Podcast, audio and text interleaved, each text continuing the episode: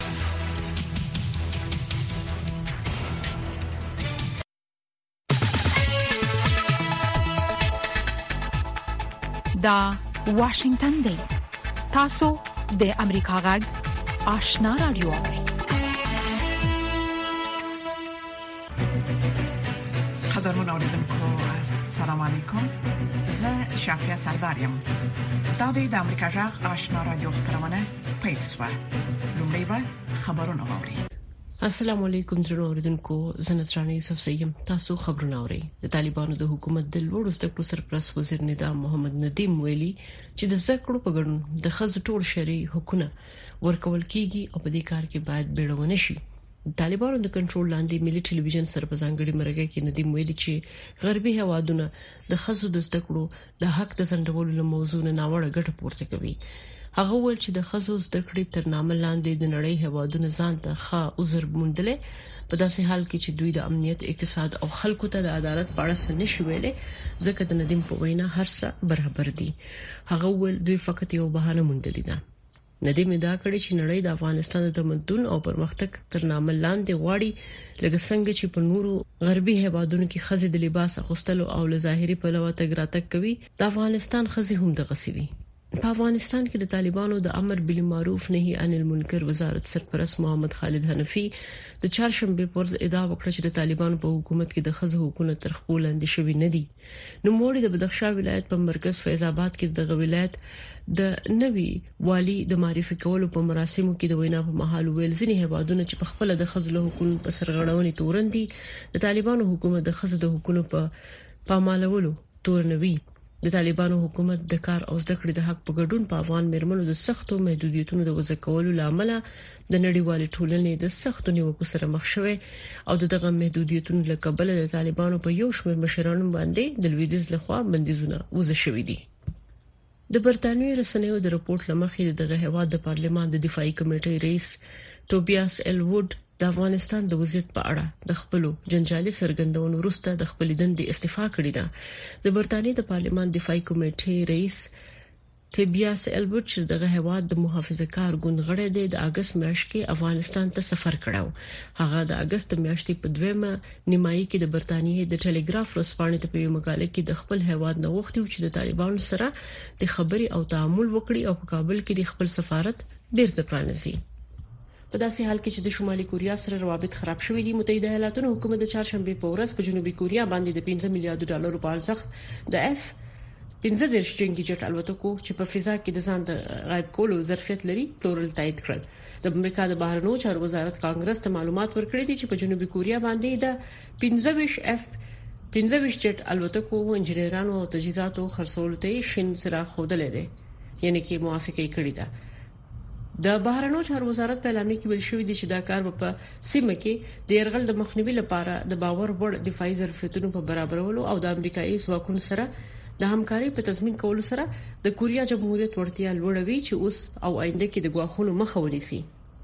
د سعودي عربستان د دفاع وزارت دغه هوا دوه پوځیان چې په خیانت او نور جرمونو تورنو اعدام کړل د سعودي عربستان دولتي خبري اژانس د دفاع وزارت د وی خبرپاڼې په حواله لیکي چې دغه دوه پوځیان چې یو پایلټ او بل د اردو بریدملو په 2019 کال کې د خیانت د ملي ګټو او پوځي محرم رازونو په ستاتنه کې د پاتې راتلو په تور نیول شوی او بیا په مرګ محکوم شوی وو د سعودي خبري اژانس وړاندې لیکلي دوی اړوند محکمې ته معرفي شوی او په خپل تورونو اعتراف کړی دی د روسیې د بهرنیو چارو وزارت د پنځشنبې په ورځ وویل چې دوه امریکایي ډیپلوماټان د یو روسي تبعیض سره چې د یو بهرني هیواد سره په همکارۍ تورن دي له دغه هیواد نه وباسي د روسیې د بهرنیو چارو وزارت په خبرپاڼه کې ویلي چې په مسکو کې د امریکا سفیر لنټریسي اظهار کړه ورته ویلي چې دغه سفارت لومړی سیکرټر جیفري سلبن او د سفارت دویم سیکرټر باید په وو ورځ کې د روسیې نه ووزي دغه وزارت په خبرپاڼه کې راغلي دي دغه دوه امریکایي ډیپلوماټانو د رابرټ شنوف په نوم د یو روسي تبع سره چې له یو بهرني هواد سره د پټې همکارۍ په تور تورن دي غیر قانوني فعالیتونه تر سره کول او د اپل شرکت د سپټمبر په 12 نیټه خپل نوي محصولات له هغه ډلې آیفون 15 زیرک موبایلونو معرفي کړل چې ګړندی پروسسر، غوره کامره او د چارج لینې نوې بڼه لري د آیفون 15 د مخکتنې مراسمو کې چې د اپل په مرکزی دفتر د امریکا د کیلیفورنیا په ښار کې جوړ شوی و د آیفون 15 سلور ماډلونه آیفون 15 ساده ماډل آیفون 15 پلس آیفون 15 پرو او آیفون 15 پرو مکس ماډلونه معرفي شول د آیفون 15 زیرک موبایل د پخوانی ماډل آیفون 14 سره د پام وړ بدلون نه لري خو یوازینی بدلون پکې دا دی چې پروسیسر او کامرې بدلون لري د نو اوریدونکو دا خبرونه خبرونه مو د امریکا جغ آشنا رادیو څخه واوریدل قدرمن اوریدونکو زموږ په دې خبرونه کې د افغانستان سیمه او نړۍ د راپورټونو ترڅنګ لومړی دا راپورټ لرو چې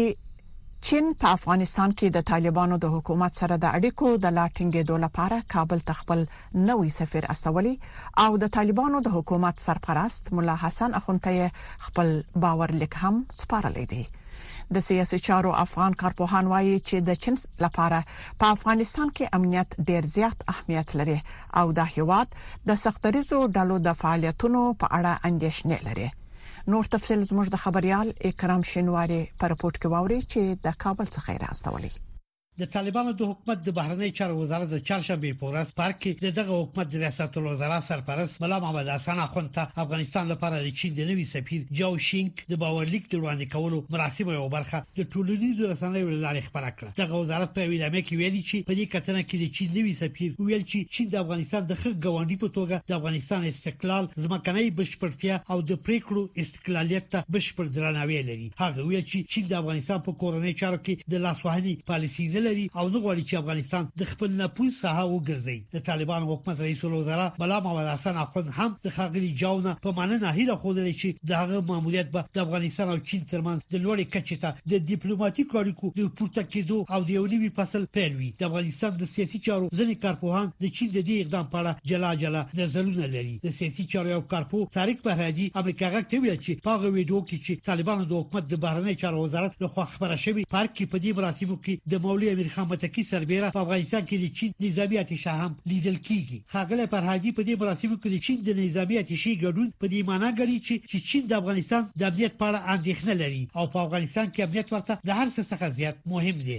بیشتر مردم فکر میکنه که معادن افغانستان بر چین اهمیت داره بله اهمیت داره اما امنیت افغانستان و امنیت چین بر چین اهمیت داره یعنی که چین از گروه های مثل اویغورها ترکستان شرقی حزب التحریر و حتی از خود افراطیت در گروه های دینی افراطی بیم داره طارق فرهادي وایي چې کابل کې د چین د سفیر یو کار به دا وي چې وګوري طالبان د افراطیت په لار درومي او په دغه هېواد کې د افراطي ډلو سره څه کوي خو د سیاسي چارو یو بل کارپوه ډاکټر عزیز مارج امریکا غږ ته وویل چې د یو هېواد د سفیر لخوا یو بل هېواد ته د باورلیک وړاندې کول په داسې حال کې چې په رسمیت نه وي پیژندل شوی د نړیوالو حقوقي مسلو له پلوه د بحث وړ یو موضوع ده ښاغلی مارج وایي چې دا اقدام تر ډیره د لویدیځې نړۍ په وړاندې اقدام دی چې پکې د طالبان حکومت ته امتیاز ورکړل شوی دی چې ما یادوري وکړه غواړي غربي نړۍ راوپکري د طالبانو په وړاندې غواړي دلته طالبان ته امتیاز ورکړي چې خپل کورنۍ امنیت یو غور او د سنگیان د دې لپاره لګ مطمئن کی چې د غربي نړۍ دلته کوم عمل ونه کی ځان آگاه کړي مسایلو نه خپل جاسان راولي او په زمن کې پراتون کې کې چیرې تړون نه کیږي په قانونو کې دوی هم پکې سهم ولري ځکه دوی خامو توکو ته ضرورت لري مارم طالبان په ټولو کې باندې ته ډېر دقیق متوجي وځي چې په دې لوبو او افغانستان بیا قرباني نسی او یو بلان سیاست د شرق او غرب په منځ کې باید ولري او ډېر تر ډېره بده پورې باید به طرفي اختیار کې ځکه په دې کچ مونږ افغانستان نه دته او ځان په شرق بلاک په لوبو کې راونیسي طالبانو په 2020 کال د اگست په میاشت کې په افغانستان کې بیا واک ترلاسه کړي خو تر اوسه د طالبانو حکومت هیڅ کوم هیواد یا نړیوال سازمان په رسمیت نه دی پیژندلی خو د روسیې او چین په ګډون د دغه هیواد ګاونډیو او د سیمې ځینو هیوادو او اروپایي ټولنې کابل کې خپل دفترونه پرانیستي او هم طالبانو د چین او روسیې په ګډون د سیمې او ځینو نورو هیوادو ته خپل ډیپلوماټان استولي دا لومړی ځل دی چې طالبانو د حکومت رئیس الوزرا یو بهرني هیواد د سفیر باورلیک مني د مخه د ایران په ګډون ځنه نور هیوادو هم په افغانستان کې خپل سفیران بدل کړي خو د طالبانو د حکومت د رسمیت په پیژندو لامل د طالبانو حکومت رسمي باورلیکونه نه دي وړاندې کړي انتظار پای ته ورسید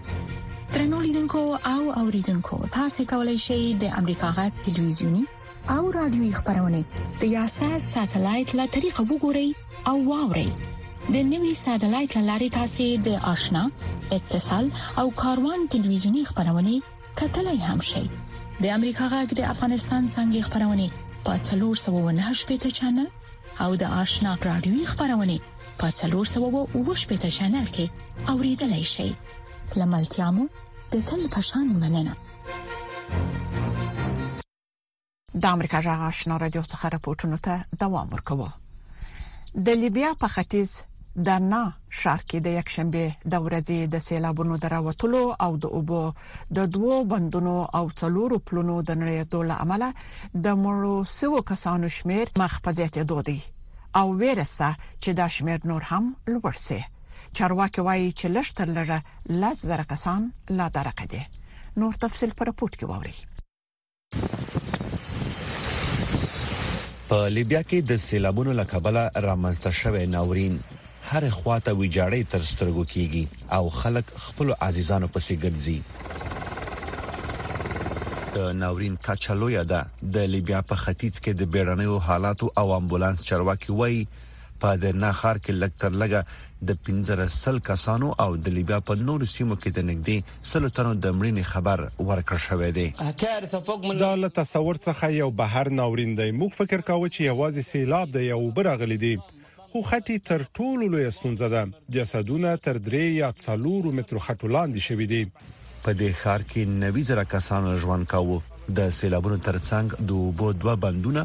او څلور پلونه هم نړیدلي دي چارواکي وایي ډیر زره کسان بې ځایه شوي دي لږ تر لږه لس زره کسان ورک دي په زرګونو موندل شوي جسدونه په ډلیزو قبرونو کې خښ شوي دلته شاوخوا 15 کورنۍ وي چې د سمندر اوبو ډوبې کړې نور خلک هم په سیمه کې اوبو وړي دي نه نور کسان چې د سمندر په غاړه کې ژوند کاوه هم لاړل وروستیو سیلابونو د درنا ښار ډیری واټونه لمنځه وړي دي چې له امله سیلاب ځپلو سیمو ته د لټون او ژغورونکو ډلو رسیدل ستونزمن شوي دي رکزنا في هذه په دې وضعیت کې د مرستو له لارې موږ په لومړنیو اړتیاو تمرکز کوو. موږ په خوړو، امدادي توکو لکه خیمو، کمپلو او د اړتیا وړ توکو باندې تمرکز کړی دی. یو شمېر هېوادونو د مرستې رسولو هڅې کوي، ټاکل شوې فرانسه د مرستو رسولو پنځوس کسیزه ډله ولېږي. فرانسه به خپلو ژمنو ته دوام ورکړي، څو لیبیا وکولای شي په ښه توګه د دې ناورین مهارولو لپاره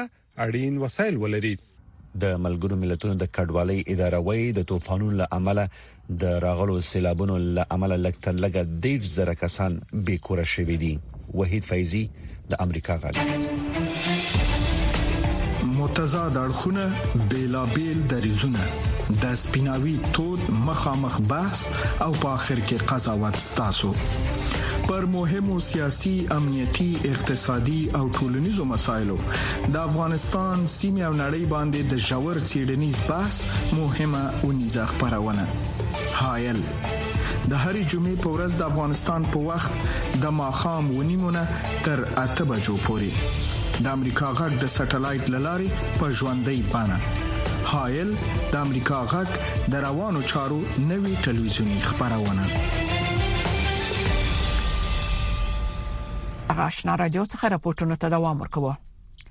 د روسي جمهور رئیس ولادیمیر پوتین د چهارشنبه په ورځ د شمالي کوریا له مشر کیم جون اون سره د روسیې په یو پرمختللي فضایي ډګر کې ملاقات وکړ دا په داسې حال کې ده چې د متحده ایالاتو او جنوبي کوریا د دوی ترمنځ د وسلو د ممکنه لیږد په اړه اختارونه ورکړي دي نور حال په دې راپور کې ووري د شمالي کوریا د مشر کیم جونګ اون شاهي هرکلی وشو او د روسیې د تر ټولو پرمختللي فضایي توغندیو د وشتو سیمې ته په خپل ولسمشر ولادمیر پوتین ملتیا وکړه د رپورټونو لمخې دواړو مشرانو فضا ته د شمالي کوریایي ستورمزلو د استولو په احتمال خبري وکړي او کیم د توغندیو په اړه مفصلې پوښتنې وکړې. د غونډې وروسته پوتین د روسیې دولتي ټلویزیون ته وویل چې د نړیوالو بندیزونو برسیره د شمالي کوریا سره پوځي همکاري ممکنه ده. کیم وویل چې هغه د روسیې سره اړیکو ته لومړیتوب ورکوي او څرګنده یې کړه چې هغه په یوکراین د روسیې د یرغل ملاتړ کوي. د پوتین او کیم ترمنځ پوځي ملګرتیا په واشنګټن کې اندېښنې راپارولې دي. په دې د ملي امنیت د شورا ویاند داسې وویل. په نړۍ کې باید هیڅ هیواد او هیڅوک د پوتین سره د بې ګناه اوکراینیانو په وژلو کې مرسته ونه کړي او که دوی د وسلو معامله وکړي نو دا څرګنده ده چې موږ به په دې اړه اقدامات وکړو او مناسب غبرګون به وښیو د بهرنیو چارو وزارت ویاند هم وویل چې دغه ملګرتیا د اندېښنې وړ ده زه به ووایم چې دا د اندېښنې وړ ده چې روسیه د شمالي کوریا سره د داسې پروګرامونو په اړه په همکارۍ خبرې کوي چې د ملګرو ملتونو د امنیت شورا د موافقو نه سرغړونه کوي چې روسیې پکې په خپل هم رائے ورکړې ده یو کارپو امریکا غږ ته ویل چې شمالي کوریا او روسیې یو داسې معامله کړې چې د دوی لپاره یو بریا ده خو د نړیوال نظم او سیمه ییز ثبات لپاره د ستونزو ډکه ده زه فکر کوم مهمه دا ده چې دوی په یو قضایي مرکز کې سره ولیدل او دا یو اشاره ده چې دا هغه ټیکنالوژي ده چې شمالي کوریا یې غواړي شمالي کوریا دغه ډول ټیکنالوژي ته اړتیا لري ځکه د هغوی دوه فضایي سپوږمکۍ ناکام شوې دي شمالي کوریا په دې اړه مرستې ته اړتیا لري. فیټزپاټریک امریکا غږ ته وویل چې هغه په دې کې شک نه لري چې شمالي کوریا به روسیې ته هم یو ډول وسلې ورکوي چې دا به په یوکرين کې د روسیې سره مرسته وکړي. د ملګرو ملتونو سرمنشي انټونیو ګوترس د چهارشنبې په ورځ ویل چې هغه هیوادونه چې د شمالي کوریا سره همکاري کوي باید د امنیت شورا لخوا لګول شوی بندیزونو ته درناوی وکړي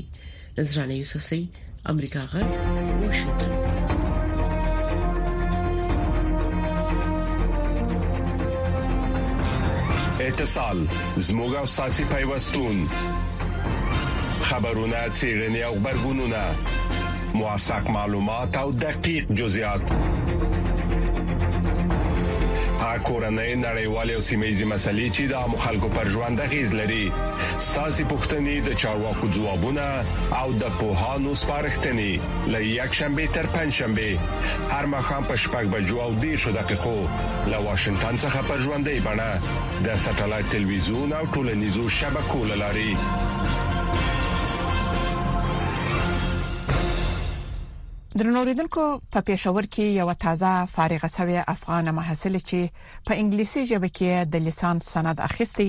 د پاکستان په یو وتلي ورځپاڼه کې پر بیلا بیلو چارو مقالې لیکلي او غواړي د افغانستان په سفارتونو کې دنده ترلاسه کړي خو په افغانستان کې د جنونو په وړاندې خندونو یې راتلونکي به باور کړی ده دا چې د انجلی څوک ده او د خپل به برخلیک راتلونکي په اړه څه وایي تفصيل پر پورت کې ووري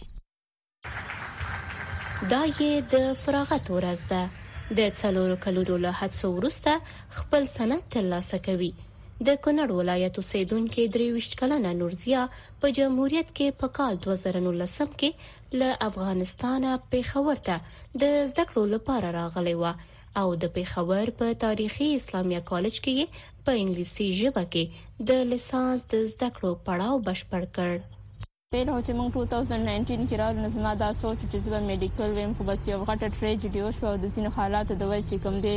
موږ مطلب میډیکل نه پات شو زه او ما سره مې خور و نو بیا موږ سوچ کوو چې لکه موږ به اوس څه وایو نو به موږ بي اس انګلیش ته لاړو آی کې زموږ د سهاس انټرست هم نو هغه د ټیچرز د وجې چې کوم دی به ما ته ډیر زیات خو لګیدو زه چې د افغانستان حالات ته ګورم نو ډیر زیات خفه شم ځکه چې الته کې زه ډیر جنکای پیژنم او هغه به چې کوم دی مطلب سکول کی استاذی یا دسی هر څه کول او بعضی دسی جینکای وی چی دهغوی به څوک اوم نه نو ځان به یی ساته او هغه جینکای چی کوم دی نن سبا کور کی ناست دی ډیر زیاتی خفه دی او زی این مطلب بلکل ذهنی بیماری شوی دی. هغه په انګلیسي ژبه کې د پاکستان په یوه ورځپاڼه کې بلاګ لیکي او د خپل لیک له لارې د خپلو افکارو څرګندونه کوي. ما چې کوم دی بس تقریبا یو درې څلور میاشتې کیږي چې ما لیکل شروع کړي دي او دا یو چینل والا او ټي ان ان نو هغوی چې کوم دی ما ته ویل چې تاسو ما سره بلاګ لیکلی شئ نو ما هغوی سره بلاګ شروع کړ بس زه جنرل مطلب سوشل ایشوز باره کې لیکم کوم چې افغانستان کې روان یا همداسې جنرل کوم سوسایټي کې څه روان یا مطلب کوم ښځو سره کوم مطلب ډیسکریمینیشن کیږي نو هغه باندې لیکل کوم او اوس ریسنټلی چې کوم دی یو څو ورځې مخکې ما یو نیوز پیپر جوائن کړی پاکستان کې فرنټیر پوسټ نو هغه سره چې کوم دی ما یو څو ارټیکلز ولیکل او هغه چې کوم دی پبلش او زه په ډیره زیاته خوشاله یم نورزیا غواړي په راتلونکي کې د افغانستان په سفارت کې کار وکړي خو هغه خبره ده چې طالبان د نجونو د حتی خصوصي کار لا هم مخالف دي او دا به ډیره له امکان لري وي چې په خپل سفارت کې دې یې پر کار وګماري. فارغه شوې نورضیا په داسې حال کې د افغانستان په لور روانه ده چې د مخه د نجونو پر زده کړو او کاري فرصتونو بندیزونه لګېدلي دي. هغه په افغانستان کې د نجونو پر وړاندې پرېکړو ته خورا اندېښمنه ده. زه غواړم چې د لیکلو سرې سرې په سفارت کې هم جاب وکړم خو نن سبا هر چاته پته ده چې افغانستان کې ټول هر څه بند دي جینکو سبق بند دی وظیفې بند دي بالکل مطلب اسې خو څوک د کور نه نشي راوتلی ایون چې پوسټونه اعلانې ګنای کې وای چې زده کور مطلب د خزو د پاره چې کوم دی دې کې نن سبا هیڅ هم نشته نو ماته د سینې لګي چې دا زما کوم خوب دی دا به رشتې شي ځکه نن سبا حالات داسې دي او ټول مطلب هر چا ته معلوم دي نو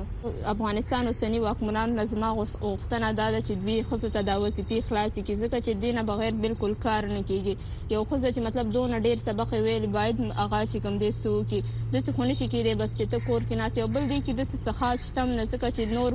ملکونه دی هغې کې هم ښځې چې کوم دې وظیفې کوي او اوسه پورې داسې هیڅ هم نه دي شوي چې یا چاته نقصان رسولی دی نورزیات چې دا مهال د خپلې کورنۍ څخه لرې د پوهنتون په لیلیه کې میشته ده، مجبوره ده بیرته افغانستان ته په داسې حال کې ستنه شي چې هلته نه خو د لوړو زده کړو او نه هم څه کاري فرصت لري. مسکا ساپی، امریکا غږ، پېښور. د بدلون پر مهال کله چې د نړۍ وضعیت څرګند نه وي او کله چې اوریدل له عیني واقعیتونو سره سمون نه خوري،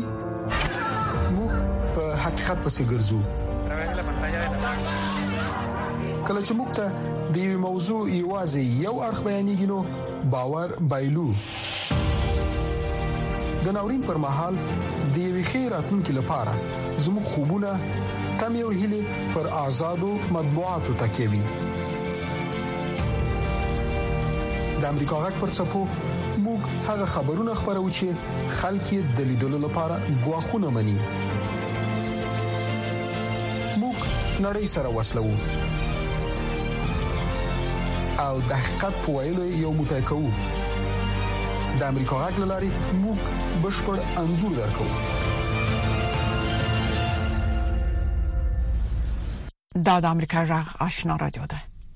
په افغانستان کې د آزادو سیالیو یا فری فایټ لوبو مینوال مخ په زیاتېدو دي په دې باره کې نور حال د شمس آرین پر رپورت کې ووري دا په کابل کې د آزادو سیالیو یا فری فایټ نړیوال کلب دی په دې کلب کې د افغانستان له بیلابیلو ولایتونو څخه په لسګونو ځوانان تمرینات کوي د ازادو سیالیو استادان او ځوانان په دې نظر دي چې په افغانستان کې تر کرکټ وروسته فري فایټ زیات مینوال لري. د میرزا کټوازي کمپ کې تمرین کوم او بهر مې لوبې نه دي کړې، ننګرهار کې مې کړې، ولایتونو کې مې لوبې کړې دي، دولس څوارلس مسابقې مې کړي، په څوارلسو کې یو ریکارډ لرم او نورې نمرو باندې ما در داخل افغانستان بسیار مسابقه انجام دادیم بلکل از حکومت امی چی ما است که با تشویق کنم چی را امی ورزشکارای افغانستان باید تشویق کنه بسیار زیاد تشویق کنه دا لوبغاړي په داسې حال کې د طالبانو له حکومت څخه د تشویق هیله لري چې د افغانستان د بدني روزنې او ورزش ادارې ویاند اتن میشواڼی وايي چې د ازادو سیالیو د ارزونې لپاره یې یو پلاوی ټاکلی څو دا وارزوي چې یادې سیالۍ خو به د اسلامي اصولو او ورزشي اخلاقو سره په ټکر کې نه وي. زمونږ ریاست د هیواد د ورزش ادارې د لپاره یو هیئت ټاکلی دی او هغه ته د دند سپارلې ده چې د فری فایټ د سیالۍ لپاره یو قانون او اصول جوړ کړي او هغه اصول او قواعد چې دوی خپل خپل ورزش لپاره لري هغه وګوري داس نقطې کې په چیرې پکې موجود چې هغه د اسلام مبارک دین سره په ټکر کې یا د سی چې ورزشي اخلاق هغه نه ایجابي چې هغه پکې تر سره سي هغه پکې اصلاح سي او لغنه ورسته بیا دوی ته د فعالیت اجازه ورکړي خو بل خوا لوبغاړي او روزونکي وايي چې فري فایټ منل شوي اصول او قوانین لري. د دوی په نظر چې په دې سیالیو کې داسې څه نشته چې هغه دې د شریعت خلاف وي. دا ډیر بهانې جوړ ول په ایم ایم ای باندې چې یعنې ایم ایم ای باید دا ورت داسې شي یا ایم ایم ای شریعت خلاف دی. نه دا هیڅ امکان نه لري. سمه ده که د شریعت خلاف. یا ما سره خدای نه خسته کوم غلط عمل وی یا غلط هغه ورزش ته بیا د ټول عموما په تربیت بدني کې هم دا ام ام ای نوم په خپل میکس مارشل آرټس دا یو ترکیبي لوبه ده د دې ورشای رزمي او فدراسیون مونږ لرو چې هغه د رزمي ورزشونو هغه کې بوکس او کیک بوکس او پالاوانی دا ټول الته ثبت دي که څه هم د بدني روزنې او ورزش ریاست د یادو ستونزو د حل خبره کوي، خو هممهاله د ازادو سیالیو لوبغاړي هیله لري چې دوی ته پر نړیوال ډګر او بهرنیو لوبغاړو ته افغانستان ته د راتګ زمینه برابره شي. شمس آرین، امریکا غږ.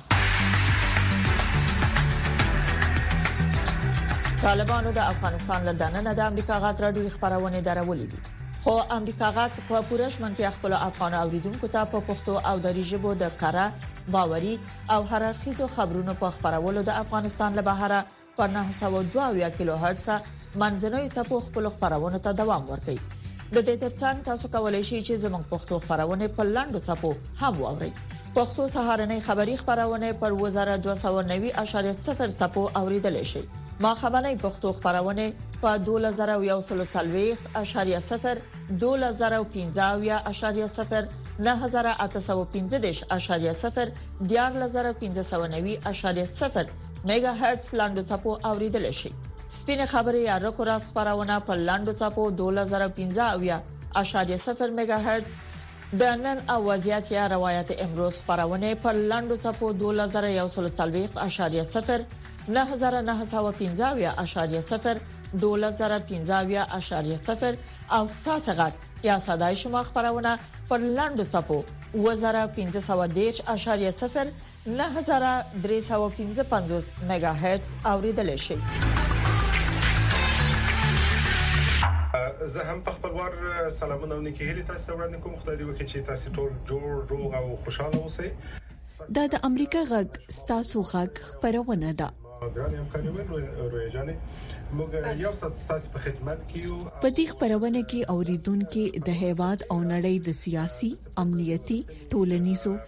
اقتصادي او هر هغه موضوع په اړه نظرونه وړاندې کوي چې هغوی ته مهم دي ځینې وخت یو اوریدونکو د بل اوریدونکو پوښتنه جوابوي یو اوریدونکو د هبت الله د لیدو هیله څرګندوي خو بل داسې لار ورته خای نو دا زه اطمینان کوم او دا ورور چې پرشته په حقیقت کې دی د خوښ لري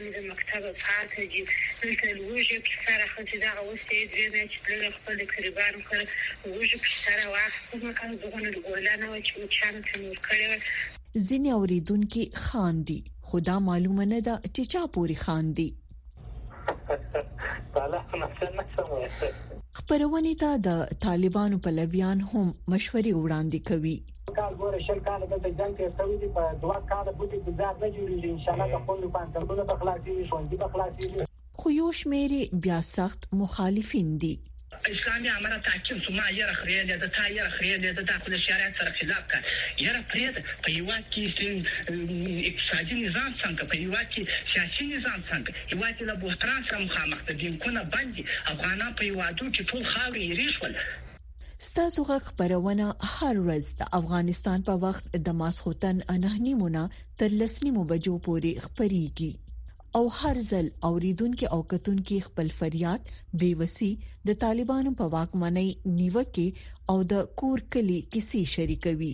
ډېری دا پښتني کوي د تورخم دروازه به کله خلاصيږي ولې د مرستو په ویش کې عدالت نشته